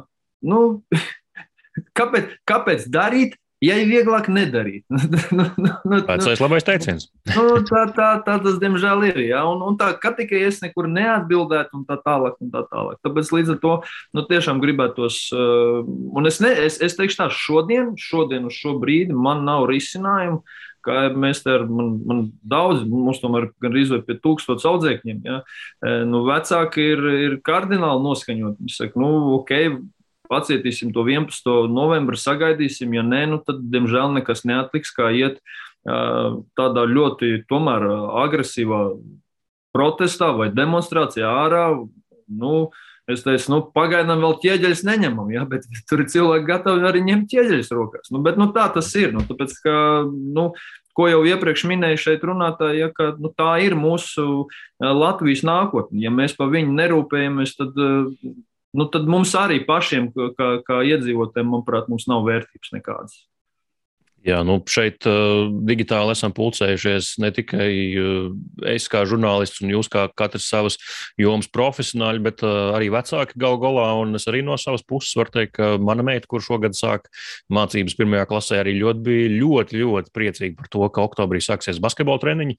Oktobrī tie arī sākās, bet, nu, kā zināms, tad līdz oktobra vidum tikai turpinājās četri treniņi, un šeku reku tas ir aizliegts. Nu, jā, skaidrs, ka viņa aicina mani un uh, mēģinam arī aiziet pamētāt tādu bumbu tepat piemājas laukumā, bet nu, tas jau nav tas, ko var iedot profesionāls treneris. Ilvar, eh, tu varbūt arī drusciņi vairāk pavērtējot no vecāku pozīcijām, tev ir priekšrocība tomēr. Tu esi treneris un tu zini nianses. Tu varbūt arī vari savu meitu izvilkt uh, ārā un, un, un kādus uh, pietiekami kvalificētus vingrinājumus iedot un parādīt un kopā var darīt. Bet uh, vecāki, kuriem nav šādu iespēju, nu, to bērni, diemžēl, nonāk sliktākā situācijā. Skaidrs, ka šādās, šādā nestandarta situācijā pandēmija tomēr ir kaut kas ārpus ierastā. Ļoti daudz patiesībā, manuprāt, gulstās uz vecāku pleciem. Nu, es pats vienmēr visu dzīvi esmu dūls bijis ar sportu un futbola apmācu. Un, piemēram, manam puikam, kurš ar trenējas futbolā, viņam tur divreiz nav jāsaka, viņš drīzāk mani vēl kārā no mājas, nekā es viņu velku par laimi, bet ar, ar meitu mazliet ir otrādi. Un līdz ar to, ko mēs darām, mēs ejam uz piemājas sporta laukumu nedēļas arī nogalēs, kad pa darba dienas vidu vienkārši tas nav iespējams. Un ejam, sportojam, darbojamies. Teikt, ka es vadu viņiem profesionālus treniņus, tā es nedaru. Es vienkārši viņus mudinu iet ārā, mēs izskrienamies, bet tiešām no sirds izskrienamies tā, ka ir karsti un muguras lapjas, lai, lai viss tā pasivitāte, kas rodās mājās, jo jāņem vērā ir vēl viens apstākļus. Bērni arī liela daļa tagad sēdēs, turpinās sēdēt mājās, viņi mācīsies mājās.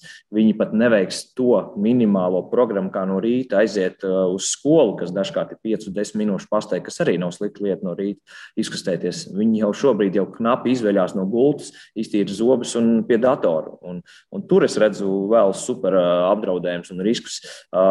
Es domāju, ka Jā, tas varbūt tā skarbi skan, bet nu, es no savas puses arī varētu aicināt vecākus pārvarēt arī savu bieži vien pasivitāti, jo vecāki arī atbrauc vakarā no darba mājās, noguruši. Nevienam vairs tur negribas tumsā iet kaut kur uz sporta laukumu, tagad vēl stundu pagriezīs vēl lielākā tumsā. Bet kaut vai vakaros atnākot mājās, pēdot vakariņas, doties ārā pastaigā, Un visas šīs lietas, kas vien ir iespējams, jo tā ir, kā pārējie runātāji arī teica, tā ir mūsu atbildība par to, kādi būs šie cilvēki mums apkārt daudzus gadus.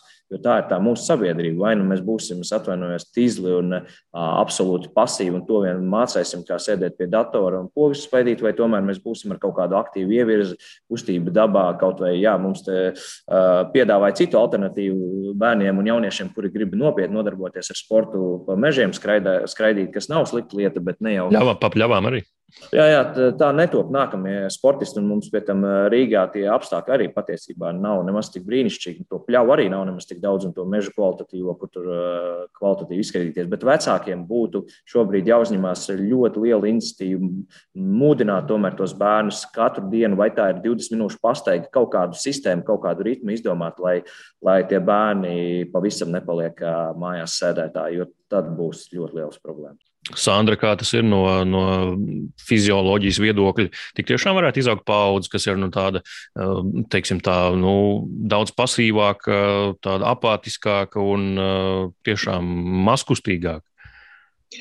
Nu, es varbūt eh, ievadā maz, maz, mazliet pateikšu, ka man ir trīs bērni, un uh, lielākiem ir 9 un 11 gadi. Tad uh, viņu ja ikdienā viņi spēlēja basketbolu, peldēja, dejoja tautas dejas uh, un ir viegli lietas, kā lai attīstītu kustību tehniku tikai tāpēc. Uh, tad uh, tagad tas viss tiek noslēgts. Un īsnībā es ļoti klausos trenerus un mēģinu sevi uzsūkt to motivāciju, tagad man pārņemt un tagad pašai vadīt. Bet uh, es arī uh, saprotu arī šo vecāku līdzatbildību, jo mēs, piemēram, esam dārzā savā uzlikuši uh, tos stieņus, kas tādi, tieši tādas pašas kā ir pie skolām lai vienkārši bērniem būtu, kur iespēja nu, vismaz stiprināt rokas, kāpt un vingrot, un, bet tikai savā vidē. Es saprotu, ka ne visiem ir tās iespējas, bet tā radošā pieeja, lai bērnus motivētu, īstenībā ir ļoti, ļoti svarīga. Bet ir jāsaprot, ka ne visiem vecākiem ir šāda pieredze pašiem būt aktīviem. Jo to es redzu no konsultācijām, ka cilvēki tagad arī tajā mājasēdē pieaugušie ir uh, tik ļoti uh, saspringuši, tik ļoti uh, pasīvi, vēl vairāk kļuvuši pasīvi dēļ tās ikdienas un mājas, uh, darba no mājām, kad viņiem pašiem vajag palīdzību, lai viņi vispār izkustētos. Un es neticu, ka uh, liela daļa no šiem cilvēkiem, kas paši meklē palīdzību, ka viņi spēja motivēt savus bērnus, savu jaunāko paudzi. Un uh, tāpēc man liekas, ka tā, nu, tā iespēja ar treneri tikties, runāties, satikties, nu, tā kā iegūt tādu iedvesmu, man liekas, tas ir pilnīgi neatsverama tādai nākotnes attīstībai. Agri, kā, kādu metodi jūs pielietojat, pats rādat piemēru, skrienat pa priekšu grupiņai? Nu, tagad jau mēs ārā nevaram iet, neko darīt.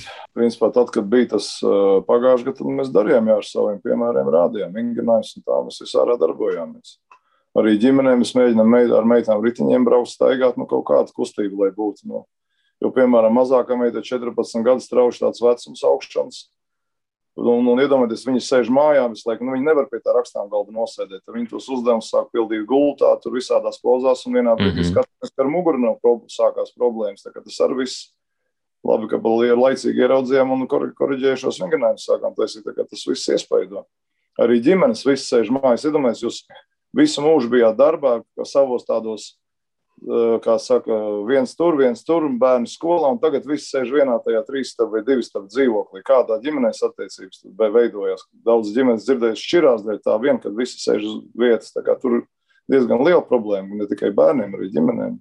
Laura, par taviem audzēkņiem runājot, um, nu, droši vien arī tev ir gan māju bērni, kur dzīvo privāti mājās, kā Sandra šeit teica, kuriem ir iespējas stieņus uzlikt dārzā vai piemājas teritorijā, un ir dzīvokļu bērni, kā Agris tikko pieminēja, ka, nu, kuriem nav iespēja, kuriem ir tās uh, pāris vai trīs istabas, un, uh, nu, cik nu tur ir varbūt daudz dzīvokļu māja teritorijā, kaut kas iespējams to var izdarīt, bet uh, tas droši vien ir pat mazāk motivējoši nekā, ja tev ir tā privāta māja teritorija, kur tu vari būt ar sevi un darīt. Mm, ir tā. Ir jau tā, ka mēs cenšamies ar otru treneru, ko mēs strādājam kopā. Mēs cenšamies, tad, kad ir atļauts treniņš ārtelpās, mēs trenējam tos, kas nāk trenējam ārtelpās. Tie bērni vecāki, kuri attiekušies trenēties ārtelpās, mēs vēl zumā viņus trenējam uzreiz pēc ārā treniņa skrienam, ja, lai zumā varētu patrenēt tos. Un tie, kas tā kā zūd, nu, mēs cenšamies vēl viņiem sūtīt kaut kādus uzdevums ir cerība, ka viņi varbūt izpildīs viņus. Bet ir tā problēma, Zoom treniņiem tiešām privāti mājās viss ir ok, bet arī vakar sastapos ar tādu vecāku ziņu, kad Laura atvaino, bet mani divi puiši, kas trenējās pie mums, 7, 8 gadīgi atvaino, bet nu, viņi, kamēr būs Zoomā treniņi, mēs netrenēsimies, jo mums ir nesaprotoši kaimiņi. Ja pat nu, līdz tādam tad, nāk ar lamāšanos, ja bērni traucē. Ja? Viņi traucē saviem kaimiņiem.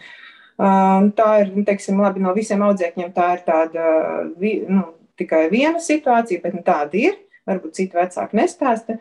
Bet otrs ir tas, ka nav īsti piemēroti apstākļi iekštelpās trenēties. Jo nu, tie dzīvokļi, nu, kādi mums viņi ir, jā, tādi mums viņi ir. Un, cik mēs zinām, ļoti liela daļa uh, dzīvo mazos dzīvokļos, šauros dzīvokļos, un uh, nu, tie apstākļi tādi, kādi ir. Protams, tas ir eh, labākajā gadījumā, ir tas, eh, ja vecāki paņems to savu bērnu vai eh, nu, ies ar viņu kopā pavingrot, bet mēs zinām, ka nu, nebūtu tā nav. Jā, tā ir, es domāju, arī nu, diezgan maza daļa, kas, ka, kam ir pirmkārt laiks, otrs, kam ir vēlēšanās iet ar saviem bērniem pavadīt laiku ārā, un, un, un trešais finanses nodrošināt viņam, jā, kaut vai iekārt to pašu pievilkšanās stieni vai, vai vēl kaut ko. Es te uh, SPKC pētījumu, man šķiet, tas bija 19. gada, kur bija pētīts par to, ka Latvijā ļoti lielai daļai bērnu ir aptaukošanās. Žin, kad dr. Sandra ļoti labi to zina, un droši vien arī varēs pastāstīt. Un tur bija tajā pētījumā galvenie riska faktori, kāpēc tā ir tāda masklistīgs dzīvesveids mūsu bērniem. Otrs - nepareizs uzturs, Trešais - vecāku neizpratne par veselīgu uzturu. Ja, tātad, tas bija, ja nemaldos, kā trešais šis riska faktors. Tā kā, nu, cerēt, ka vecāki būs tie, kas tagad šī situācijā izvilks Latvijas sportu, nu, droši vien ir diezgan naivi. Principā jau vecāku jau lielā daļā gadījumu Latvijas sporta līdz šim, kad uh, nu, viss bija vaļā un viss bija pieejams pirms pandēmijas laikā. Uh, jā, Sandra, nu, droši vien paturpinot šo Lauras iesākto tēmu, uh, tas viss jau arī, kas nu, veļas par vecāku galvām, darbs no mājām, pašiem varbūt kaut kādas saspringtākas situācijas, līdz ar to darbā lielāks nogurums, lai gan varētu domāt, tu strādā no mājām, bet uh, pats zinu pēc pieredzes, ka mājās strādājot pat nogurst vairāk nekā birojā. Uh, līdz ar to, nu, visi šie Lauras um, minētie faktori par aptaukošanos sājas rindā, jo vecākam varbūt nav tik daudz Jā. laika, lai uztaisītu pilnvērtīgu maltīti vakariņās bērnam un kaut kas, kaut kāda ātrās ēdināšanas um, risinājuma tiek likt lietā un tad jau tas, tās sniega būma sāk vēlties, vēlties no kalna. Jā, jo daudz tiek atstāts uh, paša bērna izvēle arī tā teikt maltīt, ja vecāks ir visu dienu sapulcēs un zūmā vai tīmā vai kādā no šīm programmām iegrims, tad bērns pasūta, nezinu, kādu picu vai ātro ēdienu. Bet uh, tā ir, jā, ka tās bērnu uh, vispār aptaukošanās risks pieaug. Latvijā bērni ar lieko svaru kļūst vairāk. Un, protams, kad arī uzturs un arī saldinātie dzērieni, kas atkal veicina ja, šo visu, tā, tā, tā lieta ir aktuāla. Tāpēc uh, mums tāda fiziska aktivitāte, kā tas enerģijas otrkārt patēriņa palielinājums, ir ļoti, ļoti svarīga. Ne tikai pārējos visus efektus, ko mēs runājām, psiholoģiskā met, uh, veselība, motivācija, ķermeņa attīstība, sirsniņas trenētība un tā tālāk. Ja. Tā kā tās lietas ir svarīgas, bet tā situācija kļūst mazāk iepriecinoša. Jo tāpēc, kad arī jaunai paudzei, es nezinu, varbūt treneri vairāk saskars ikdienā, bet tas, ko es tā, kad jauniešiem jau lielākiem pusauģiem, ja, viņiem tād parādās tāds termins būt laimīgam. Bet katram šis būt laimīgam nozīmē cits kaut kas. Līdz ar to mēs, mums ir grūti viņus motivēt ar naudu, ar sasniegumu, ar braucienu, ar vēl kaut ko. Mums ir ļoti grūti, ja, un tad līdz ar to uh, ne visi ir gatavi nu, apgrūtināt sevi, jo viņiem ir ļoti pieticīgs nu, vēlmes. Ja, un trenēties grūti, lai sasniegtu kaut, nu, kaut kādu sasniegumu. Nu, tur, man liekas, ir ļoti, ļoti liela daļa jauniešu, būs ļoti grūti atgriežami nu, aktivitātē. Paldies, Sandra. Tuvojoties šīs sarunas diskusijas noslēgumam, atgriezīsimies pie Hokeja federācijas un viestura. Viestur, ir jums kāds plāns vēl pagaidām? Nu, līdz, atgādināšu klausītājiem arī, ka līdz 8. novembrim esat vēl Latvijas Hokeja federācijas ģenerālsekretārs. Pēc tam šos pienākumus pārņems Roberts Pļāvējs, bet tomēr vēl esot amatā šeit Latvijas Hokeja federācijā ir kāds plāns, varbūt tad, kad pandēmija nu, kaut kad jau tā cerams beigsies, nu, veikt kādu pārskatu, pārskatām pētījumu, tad kas tad ir noticis ar Latvijas hokeja vidi, kā pandēmija to ir iedragājusi, cik mums ir bērni palikuši, kāds ir viņu fiziskais stāvoklis. Jums ir laba praksa gal galā federācijā arī regulāri testēt bērnus fiziski. Jā, mums ir, mums Mārtiņa ir šogad mēs esam izveidojuši tādu datu bāzi diezgan apjomīgu Mums ir visi, visi, pilnīgi visi hokeisti ir reģistrēti datubāzē. Mēs ļoti labi redzam šo spēlētāju kustību, kāda tā notiek. Un vēl es teicu, ja, ka šie spēlētāji burtiski, es, es, es nepārspīlēju, mēnesī brauc prom 10, 15 bērni. Kā, tas ir salīdzinoši ar tādu normālu laiku, kad nav pandēmijas. Ir ļoti daudz, jo mums parasti vienmēr bija tā, ka pie, pie, pie iedzīvotāju skaita, kas uh, samazinās Latvijā katru gadu, uh, Mūsu hokeja licencēto hokeja skaits bija palielinājies, un, uh, un, un, un klubu un komandu skaits bija palielinājies. Šogad tas tā nav. Šogad ir pretējs virziens. Bet uh, par to pētījumu runājot, nu, jā, jānāk kopā ar mums arī medicīnas komiteja. Ir. Arī medicīnas komitejā mēs esam pētījuši un skatījušies uh, gan traumu, traumu teiksim, izcelsmi spēļu laikā. Protams, tā ir laba ideja, ņemsim vērā. Uh, ir jāpēta arī droši vien, pandēmijas ietekme bet tas ir droši vien jautājums ne tikai hokeja, tas jau ir globāls jautājums, uh, uh, kā šī pandēmija, kā šis bērnu ierobežojumi atstāja iespaidu uz psihi, uz darba spējām, uz, uz, uz, uz pozitīvu garstāvokli, uz tādu ilgtermiņa attīstību, uz, uz, uz, uz iespējām izveidot šo mazo puiku, mazo meiteni par pilnvērtīgu uh, sabiedrības locekli. Tas ir droši vien, ka pētījums jāveic jau ir uh, globālākā mērogā, un tad, par to jau mēs esam runājuši daudz un dikti, nu, tas atstās, atstās negatīvu iespēju. Zini, kas man mācīja nekās īpatnēji, ka šeit nu, mēs jau pusotru stundu runājamies, un uh, mēs runājamies faktiski, nu, man patīk tāda, tāda valstiska, valstiski tāda laba saruna, mm -hmm. kura man vienmēr ir pietrūkusi ministrijās vienmēr ir pietrūkusi ministrijās. Nekad nav laika, ej, liecieties mierā, būs jau labi, pandēmija, visi tagad uh, pagaidīsim. Šāda veida sarunas nekad nav, mums nekad nav bijusi saruna šāda ne veselības ministrijā, ne pietiekoši kvalitatīva un laba arī izglītības ministrijā. Un tas, tas ir skumīgi. Jā, diemžēl žēl, ka Anna Mičule varēja mums pievienoties tikai pirmās 20 minūtes šajā sarunā. Noteikti pēc šī viestura tava komentāra iesaistīt arī viņa sarunā, bet eh, šādas iespējas diemžēl nav. Bet eh, aicināsim gan Veselības ministrijas, gan arī Izglītības un zinātnes ministrijas pārstāvis meklēt šo sarunu pilnā garumā arī eh, podkāstu, jeb raidierakstu klausīšanās vietnēs, meklēt raidījumu piespēli. Un cerams, ka kāda laba ideja vai doma grauds tomēr tur arī paliks kādā no, kādā no ministriju gaitiņiem sarunas noslēgumā agri vēl eh, vaicāšu arī jums. Eh, Basketbola savienība arī kaut ko plāno, vai varbūt eh, jums pašam galvā ir kādi plāni par to, kā, kā vispār saprast, kāds būs tas trieciens pandēmijas izskatā mm, basketbolam. Nu, cik tas būs, nezinu, nozadzis vai aizvilinājis vai, vai, vai demotivējis bērnus. Nu, tā grūti pateikt, bet nu, es jau ceru, ka 15. ja viņš atvērsies, tad būs, tad būs labi. Ja, neaizver, ja neatvērs vaļā, nu, tad būs traģiski. Tāpēc, ka arī kolēģi runāja par to, ka tomēr katrā vecuma grupā ir jāuzaudzē savu veidu tehniskie paņēmieni. Un līdz 14, 15 gadiem viņi tiešām ir jāapgūst. Un, ja tie bērni tajā vecumā neapgūstos attiecīgi, piemēram, metienu tehnika, pareizi piespēja tehnika, tūkstošiem un tūkstošiem atkārtojumu, tie divi tā tehniskie paņēmieni, nu, tad viņš nekad augstākā līmenī nespēlēs. Un es jau tā ar Kasparu Cipras runāju, ar Kasparu. Mēs tagad mums ir basketbola māja celtniecība paredzēta, ja, un būs mums basketbola mājas, bet, nu, ja mēs šādi turpināsim, tad ilgtermiņā tajās basketbola mājās neviens nespēlēs basketbolu. Tas viss sāpīgākais. Jā, es varbūt īsu, īsu komentāru, kad uh, mēs tagad, uh, nu, es Rīgas Sadiņu universitātē apmācu jaunos sporta ārstus un uh, prezidents, kur tagad tiek arī iesaistīti Covid pacientu ārstēšanā, bet nestoties uz to, mm. mēģina saglabāt viņiem šo saikni ar sporta medicīnu. Un, uh, Tas, ko Viestures Kuzēls teica, kad par šo pētījumu nepieciešamību, jā, arī Mārtiņš minēja, Mēs esam plānojuši, un mēs pašlaik strādājam pie, pie veidlapas, pie anketēšanas, kas, protams, notiks neklātienes vidē, uzrunājot bērnus, bērnu vecākus, piedalīties tieši par šo nu, Covid sekām un tā.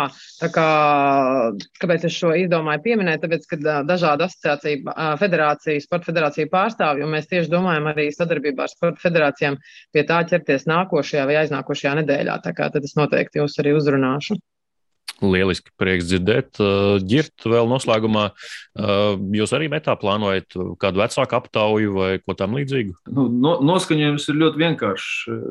Absolūti neizpratni, jo trūkst loģikas šajos lēmumos attiecībā uz, uz, uz pirmkārt jau āra sportošanu, kur, kur manuprāt, vispār neiztur nekādu veidu kritiku. Ja, un, un, Un, jo vienkārši vecāki jau arī nav um, bez galvas, un tomēr viņi saprot arī lietas, un pietiekuši daudz ir, ir, ir bijuši saviem bērniem blakus. Tāpat uzdod jautājumu, kāpēc tieši no 16 gadiem, um, kāpēc ne 15 pusi, ja? kurš, kurš bija tas ģēnijs, kurš uh, šo, šo ciparu 16 no kurienes paņēma. Ja?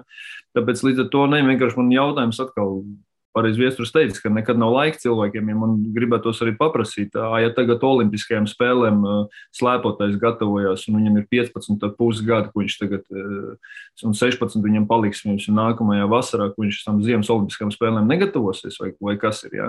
Tāpēc nu, tie ir tādi jautājumi, kas, kas uzreiz apšauba šo kopīgo kompetenci. Ja? Un tagad arī, ja saka, piemēram, laukums tur kaut kur pieejams un tā tālāk. Un tā tālāk. Nu, šobrīd ir tāda absurda situācija, ka piemēram, mēs varam aizsūtīt eh, bērniem, jauniešiem, eh, sadalīt laukumus kaut kādos 10 x 10 kvadrātos, ja, eh, un, un likt viņiem šajos kvadrātos būt kaut vai kopā ar savu vecāku. Tad mēs kā treneri uh, nedrīkstam radīt iespaidu, ka mēs to organizējam. Nu, mm -hmm. nu, nu tad Paša, pašorganizēšanās ļoti labā līmenī. Stāvot tribīnēs, es esmu, es nezinu, ar savu komandu tagad uh, sākam un beidzam. Jau esmu liels apdraudējums vīrusu izplatībai. Nu, tāpēc līdz ar to šī kopīgā izpratne par šiem ierobežojumiem, nu, viņa, viņa, viņa ir ļoti, ļoti ļodzīga. Uh, Um, un es teikšu tā, ka ja būtu uh, šī konstruktīvā saruna, kā mēs darām, lai uh, maksimāli tomēr saglabātu iespējas um, gan ēdinātājiem strādāt, gan sportistiem turpināt kustēties un, un, un mācīties un tā tālāk, un tā tālāk, es domāju, mēs būtu stipri, stipri veiksmīgāki. Un, un līdz ar to arī ši, šis pārmetums, es domāju, um, pat nebūtu vietā uh, arī uh, attiecībā uz to, kas vakcinējas, kas nevakcinējas. Ja? Tāpēc līdz ar to uh, šī kopīgā saruna kā tāda, viņa, viņai trūkst konstruktīvi konstruktīvs, um, konstruktīvā dialoga ja, un, un, un, un attiecīgi arī lēmumu. Un, ja mēs runājam par to, um, ko tad darīs, nu šobrīd es nevaru pārmest nevienam vecākam, un es domāju, ka mēs kā vecāki darītu to pašu. Mums ir jādomā tikai par savu bērnu. Tad, tad mans bērns pirmajā vietā. Nu, ko viņi dara? Nu, protams, ka viņi dodas uz ārzemēm un, un, un, un sāk, sācies principā diezgan nekontrolēts, eh, pat var teikt, haotisks eh, darbības. Ja? Um, vecāki organizē, nezinu, nometni sāks tagad eh, pie, piedāvājums. Mums jau ir Portugālē ar vienu komandu, otru komandu, kas, kas ir ar finansiālām iespējām. Citi brauks uz, uz apvienotiem Ārābu Emirātiem un tā tālāk. Un tā tālāk ja? tā kā līdz ar to, nu, kā tas viss beigsies, jā, tas arī var beigties ar visu, visu, visu sistēmas sabrukšanu. Jā. Nu, nu, jūs iedomājaties situāciju, ja tagad eh, novācās, nezinu, 16, 20 bērnu vecā grupa, mēs sakam, reku, mēs šim trenerim tagad maksājam eh, dubultā algu, brauc līdzi uz mums uz, uz apvienotiem Ārābu Emirātiem, tagad puse aizbrauc, puse paliek šeit. Nu, nu, saprotiet, tas, tas, tas nu, nav, nav atkal stāsts par to, ka mēs to gan jau to neizsmelt, ja, bet nu, tas rada atkal papildus uh, spriedzi blakus, ja, kura mm. ir vienkārši nāk uh, no tā, ka nu, vecāki vienkārši nevēlas arī pazaudēt savu šo 10, 12 gadus ieguldīto darbu, ko viņi savos bērnos ir atbalstījuši visu šo laiku. Ja, jo nu, tas ir nepieļaujami. Jā, Laura ir kas sakāms, viņa pacēlus roku. Jā, kolēģis teica par šo pieņemto lēmumu, ka no 16 gadiem var komandas sporta veidā, bet individuālas sporta veidos var tikai pieaugušo izlases, jā, kas arī raisīja neizpratni. Un, tātad mums jau maijā, jūnijā būs Eiropas čempionāti, kuros jāstartē šiem 15, 16, 17 gadus veciem jauniešiem. Ja, viņiem šobrīd nav iespējas labākajiem. Ja. Mums jau tā nav iespējas trenēties cīņā. Bet arī labākie, kuriem jāgatavojas šiem lielajiem čempionātiem, ja, nu, šobrīd mēs arī, arī tie nevaram. Kaut gan viņi ir vakcinēti un viss. Ja, tad tas neskar tikai mazākos, bet šis lēmums, kāpēc, kāpēc šādā ziņā esam apdalīti, īsti nav, nav saprotams. Mm. Nu, tas jau, nu, sauksim lietas īstajos vārdos, būsim atklāti, lai gan es to neatbalstu, bet tas, diemžēl, veicina dažādu uh, caurumu meklēšanu noteikumos un varbūt uh, plašākus izlašu kandidātu sarakstus vai, vai tam līdzīgi. Ilvar, uh, tev droši vien arī kaut kas sakām šajā sakrā. Varbūt ģirtam ļausim vispirms izteikties ģirtam. Es, Jā, nu, es, es vienkārši padalīšos, ka šobrīd komerc vai reklāma vai audio vizuālo uh, materiālu radīšanas uh, laikā uh, drīkst notikt sporta grupas treniņi. Ja? Tad, ja mēs filmējam tiksim, šo attēlinātā mācību darbu materiālu, tad, principā, uzliekot vairākas kameras, teorētiski mēs varam trenēties. Tā kā mm -hmm. tie, tieši to, ko tu minēji par šiem caurumiem. Jā. Tas ir stāsts arī, ko es pagājušajā gadā Latvijas radio sižetu veidoju gada nogalē, kā mm, hokeja amatieri trenējās privātus pasākumus, ļoti bieži veidojot hokeja halēs tieši, nu, kaut kā ļoti pieauga hokeja haļu noslodz ar privātiem pasākumiem tieši treniņu laikā. Interesanti, ka kas to lai zina, kas tur notika aiz tām durvīm. Ilvar, varbūt tev kāds komentārs? Nē, nu, mēs varbūt esam sliktais piemērs šajā ziņā, jo mēs plēsoņu arēnu visu laiku esam turējuši durvis ciet un neesam laiduši arī tos, kas saka, hei, varbūt aizslēdzam durvis, uzliekam aizkarus un ļaujiet mums turpināt trenēties, kas nebūtu nosodāma rīcība, principā ļaut cilvēkiem fiziski aktīvi, aktīvi kustēties, bet nē, nu mēs, mēs neļaujam kopš, kopš brīža, kad noteikumi tiek pieņemti, mēs esam aizvērši durvis ciet, bet nu, ir arī otrs stāsts. Tepat man aiz muguras kolēģis darbojās, viņš jauc nos četrus laukumus, tā kā Plēfa arēna šajā pandēmijā būs zaudējusi četrus no septiņiem laukumiem.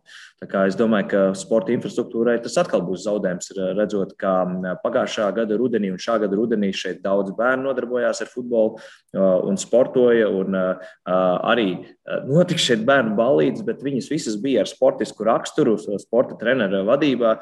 Es domāju, ka tas sitiens kopumā Latvijas sabiedrībai būs ļoti, ļoti liels un to nevarēs droši vien izdzēst vienu vai divu gadu laikā. Pēc tam atkal pēkšņi atverot durvis visam un visiem un tā tālāk.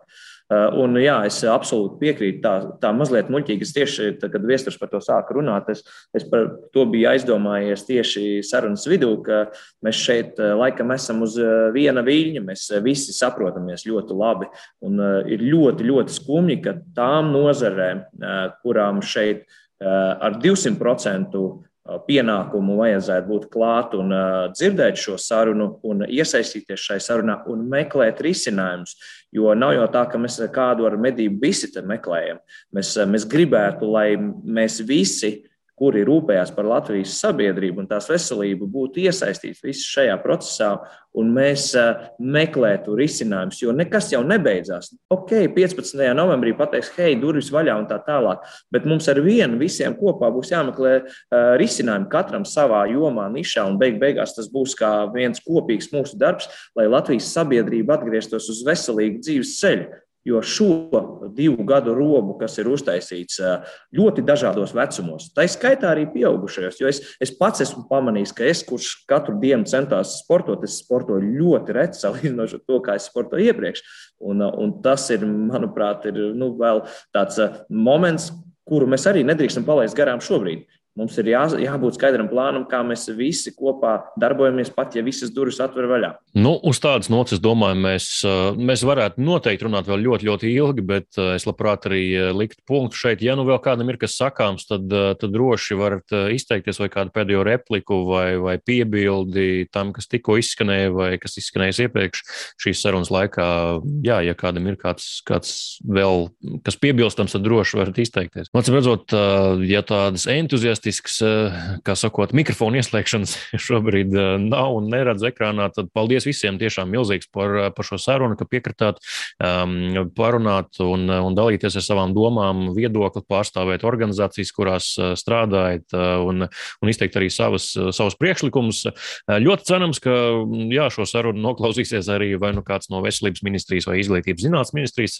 Es domāju, ka izglītības zinātnes ministrijas kāds pārstāvs noteikti noklausīsies, jo viņi arī šajā sarunā piedalās piedalījās. Paldies um, visiem, kuri piedalījās. Un uh, tad uh, nu, cerams, ka šādu diskusiju ar šādu ievirzi drīzumā vairs nenāksies rīkot, un ka pēc 15. novembra tik tiešām uh, vismaz zaļajā režīmā pasākumi varēs notikt, un, un viss būs um, kārtībā, un kaut cik varēs arī atsākties bērnu jauniešu sports, un arī, protams, to nodarbības, kuri tuvāk profesionālajiem līmenim, bet tomēr vēl nav izlašu kandidāti. Paldies visiem! um, no manis Mārtiņa Kļavanieka. Līdz ar to arī izskan sporta raidījums piespēli šodien un uh, uz kādu citu uh, saziņas reizi ar katru no jums droši vien individuāli par kādiem citiem tematiem. Bet tiešām šodien liels paldies par to, ka piedalījāties šajā sarunā.